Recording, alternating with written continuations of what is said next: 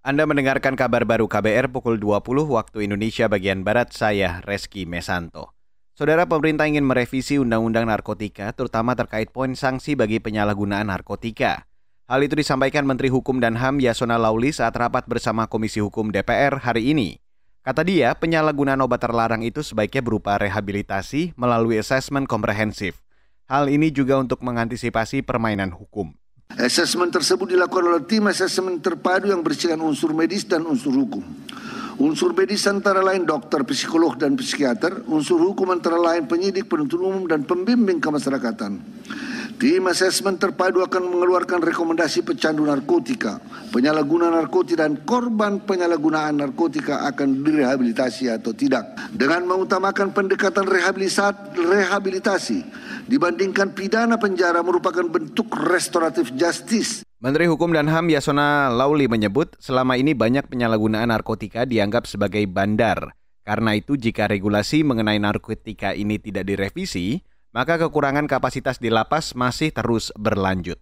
Saudara, Satuan Tugas Pangan Polri menyatakan stok minyak goreng masih belum merata di beberapa daerah. Bahkan menurut Kepala Satgas Pangan Polri, Wisnu Hermawan Februanto, stok minyak goreng curah di beberapa daerah kosong. Hal itu terungkap dari data Satgas Pangan di beberapa daerah di Indonesia. Contoh saja, ini contoh. Minyak goreng curah kok nggak ada di Bangka Belitung?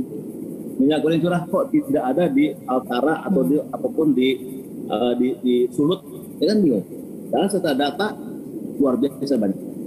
Nah ini yang perlu kita sampaikan kepada para kapolda untuk kecek nih satu dua tiga empat lima enam tujuh delapan sebelas sebelas bahan pokok ini tolong dicek. Kepala Satgas Pangan Polri Wisnu Hermawan Februanto memerintahkan Kapolda dan Kapolres bersama-sama memantau situasi pangan agar tidak terjadi kelangkaan, penimbunan atau pengoplosan. Saudara, Kementerian Keuangan mengklaim terus mencegah terjadinya tindakan kriminal perputaran keuangan ilegal, sebab hal itu berpotensi merusak tatanan ekonomi bahkan mengancam nyawa manusia.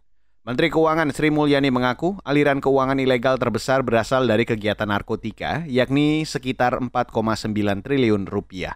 Melalui Undang-Undang HPP, harmonisasi peraturan perpajakan sudah mengintroduce instrumen yang disebut pajak karbon. Karena memang determinasi atau tekad Indonesia untuk mengatasi climate change tidak mungkin tidak mungkin hanya dilakukan oleh pemerintah sendiri atau menggunakan even BUMN harus ada partisipasi dari swasta baik nasional maupun global Menteri Keuangan Sri Mulyani menyebut keuangan ilegal turut membuat kerusakan lingkungan. Kata dia, dampak dan biaya dari kejahatan lingkungan setiap tahunnya naik 5 hingga 7 persen atau jauh lebih tinggi dari pertumbuhan ekonomi dunia.